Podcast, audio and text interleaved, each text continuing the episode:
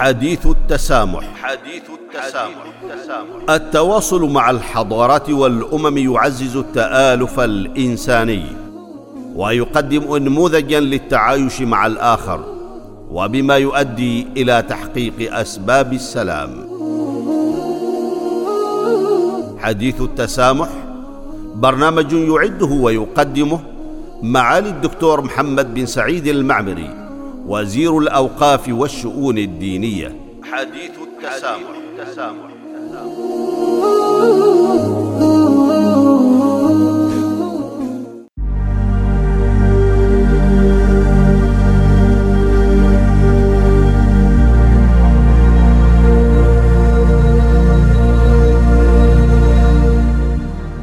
بسم الله الرحمن الرحيم الحمد لله والصلاة والسلام على رسول الله وعلى آله وأصحابه أجمعين ومن تبعهم بإحسان إلى يوم الدين. أيها المستمعون والمستمعات الكرام السلام عليكم ورحمة الله تعالى وبركاته واهلا ومرحبا بكم في هذه الحلقة الجديدة من حلقات برنامجكم حديث التسامح. تتناول هذه الحلقة المدن الحديثة وتعزيز التقارب والتعايش بين السكان. فاهلا وسهلا بكم جميعا.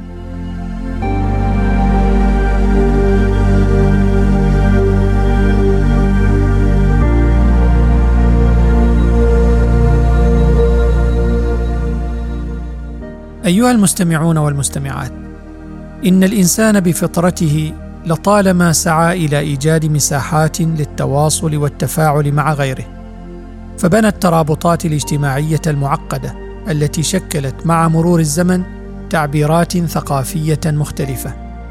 وقد أدرك علماء النفس منذ فترة طويلة أهمية التفاعل الاجتماعي للتطور المعرفي وتطوير الهويات وفهم العالم.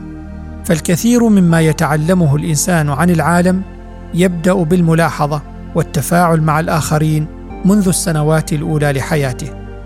وتؤثر التفاعلات الاجتماعية على المعتقدات والمواقف والمعايير وتشكل للإنسان فهمه للعالم ومكانه فيه. وعلى مر التاريخ كانت المدن بمثابة واحات يلتقي فيها الناس وتزدهر فيها الثقافات والأديان وتحتضن التنوع والتعدد. ومنطلقا للتفاعل الإنساني المتداخل الذي أسهم في تشكيل مسار العديد من الحضارات. وأدى التقاء الأعراق والثقافات والأديان المختلفة في بيئات المدن الحضارية إلى صنع نسيج غني من التجربة الإنسانية وهو مزيج حدد الهويات المحلية والإقليمية وتجاوزها وأدى هذا التواصل بين المجتمعات المتنوعة مع مرور الوقت إلى تكون التعددية الثقافية الحضارية. إن المدن الحديثة النابضة بالحياة تعكس هذه الرحلة البشرية المستمرة. فالمدن ليست مجرد تكتلات للبنى التحتية والأفراد والخدمات بل إنها بوتقة تنصهر فيها الكيانات الحية وتعكس مزيجا من الثقافات والأعراق والأديان. وفي جنباتها آثار من الماضي بصمات من الحاضر وفي كل يوم تؤكد حاجة الإنسان إلى التقارب والتعايش مع أخيه الإنسان. أيها المستمعون والمستمعات لقد أكد الوباء العالمي الأخير الحاجة المتأصلة في الإنسان إلى التواصل الاجتماعي. فعلى الرغم من تدابير التباعد الاجتماعي وإغلاق المنافذ والحدود وجد الناس طرقا مبتكرة للبقاء على اتصال مع بعضهم البعض مما يدل على حاجة الإنسان للتفاعل الاجتماعي كأساس لرفاهه الاجتماعي والأمان النفسي. وأظهرت الدراسات التي أجريت خلال فترة الجائحة زيادة ملحوظة في الشعور بالإحباط والقلق كنتيجة مباشرة لتقلص التفاعلات الاجتماعية لتؤكد نتائج الدراسات على الدور المحوري الذي تؤديه الروابط الاجتماعية في الصحه النفسية والعقلية للإنسان. وعلى الرغم من أن التفاعلات اليومية في المدن قد تبدو عادية للعديد من الناس إلا أنها تؤدي دورا مهما في تعزيز التفاهم والقبول تجاه الآخرين. فالمدن الحضارية اليوم بمساحاتها المختلفة عوالم مصغرة لهذا العالم الواسع والغني حيث تجذب المدن الناس وتجمعهم رغم الخلفيات والثقافات والديانات المختلفة. ومساحاتها خاصة المؤنسنة منها من مساجد وجوامع أو حدائق ومنتزهات أو أسواق أو مراكز أو مؤسسات تعليمية وثقافية وصحية كلها تعمل كميادين اجتماعيه حيوية. تعزز الترابط الاجتماعي والمؤتلف الإنساني بين أبناء المجتمع الواحد ومع غيرهم. وتؤكد الدراسات العلاقة المتينة بين التخطيط الحضري ودوره في تسهيل التكامل وتعزيز التفاهم والشعور بالانتماء بين أفراد المجتمع. فالتخطيط الحضري للمدن له دور أساسي ليس فقط في تشكيل المناظر الطبيعية بل توجيه التفاعلات الثقافية والإنسانية كذلك. ويؤثر تصميم وترتيب مساحات المدينة بشكل كبير على الكيفية التي تحدث بها التفاعلات بين الناس. فهي يمكن أن تعزز التعايش والترابط أو تصنع فجوة مجتمعية وثقافية بين أفراد المجتمع.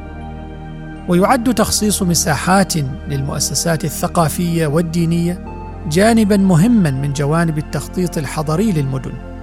المراكز الثقافية والمساجد والجوامع تعزز الروابط الاجتماعية داخل المجتمعات وتؤدي دورا محوريا في ترسيخ ثقافة احترام التنوع الثقافي والديني.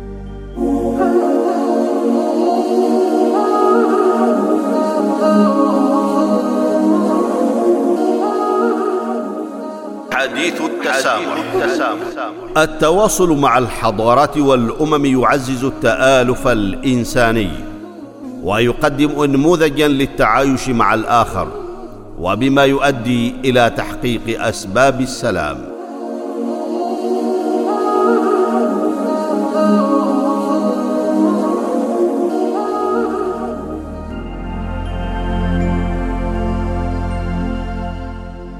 أيها المستمعون والمستمعات اليوم وعلى الرغم من تقدم التكنولوجيا والاتصال الرقمي ما زالت المدن تؤدي دورا مهما في تحفيز التفاعل الاجتماعي والثقافي.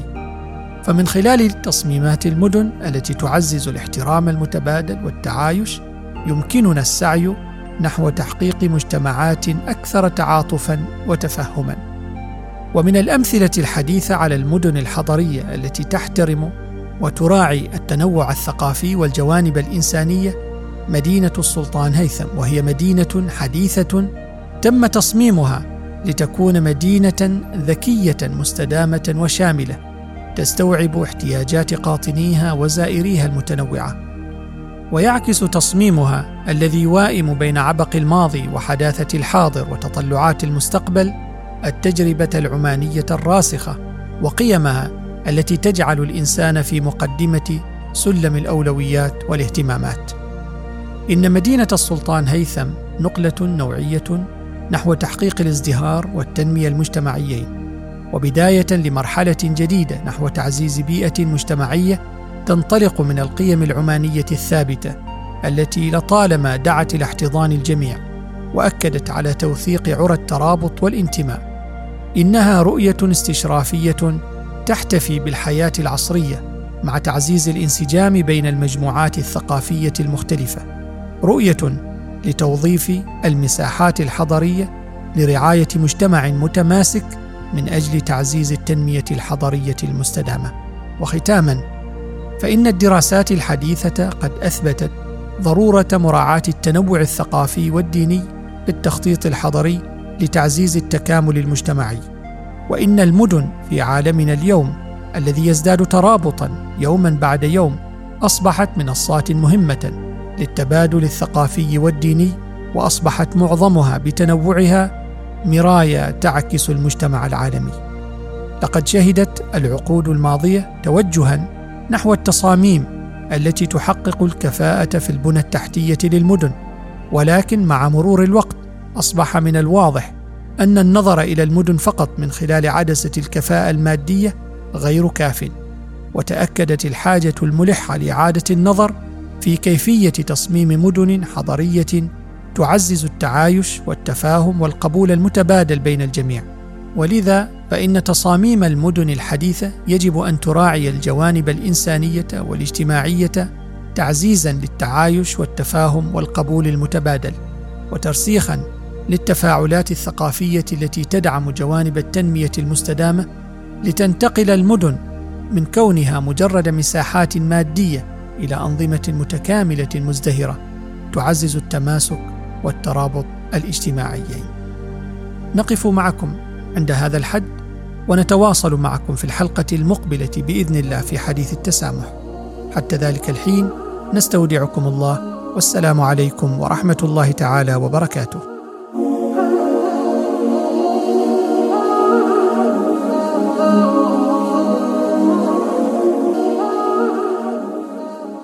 حديث التسامح. حديث التسامح. التواصل مع الحضارات والأمم يعزز التآلف الإنساني ويقدم انموذجا للتعايش مع الآخر وبما يؤدي إلى تحقيق أسباب السلام. حديث التسامح برنامج يعده ويقدمه معالي الدكتور محمد بن سعيد المعمري. وزير الأوقاف والشؤون الدينية حديث التسامح, التسامح. التسامح.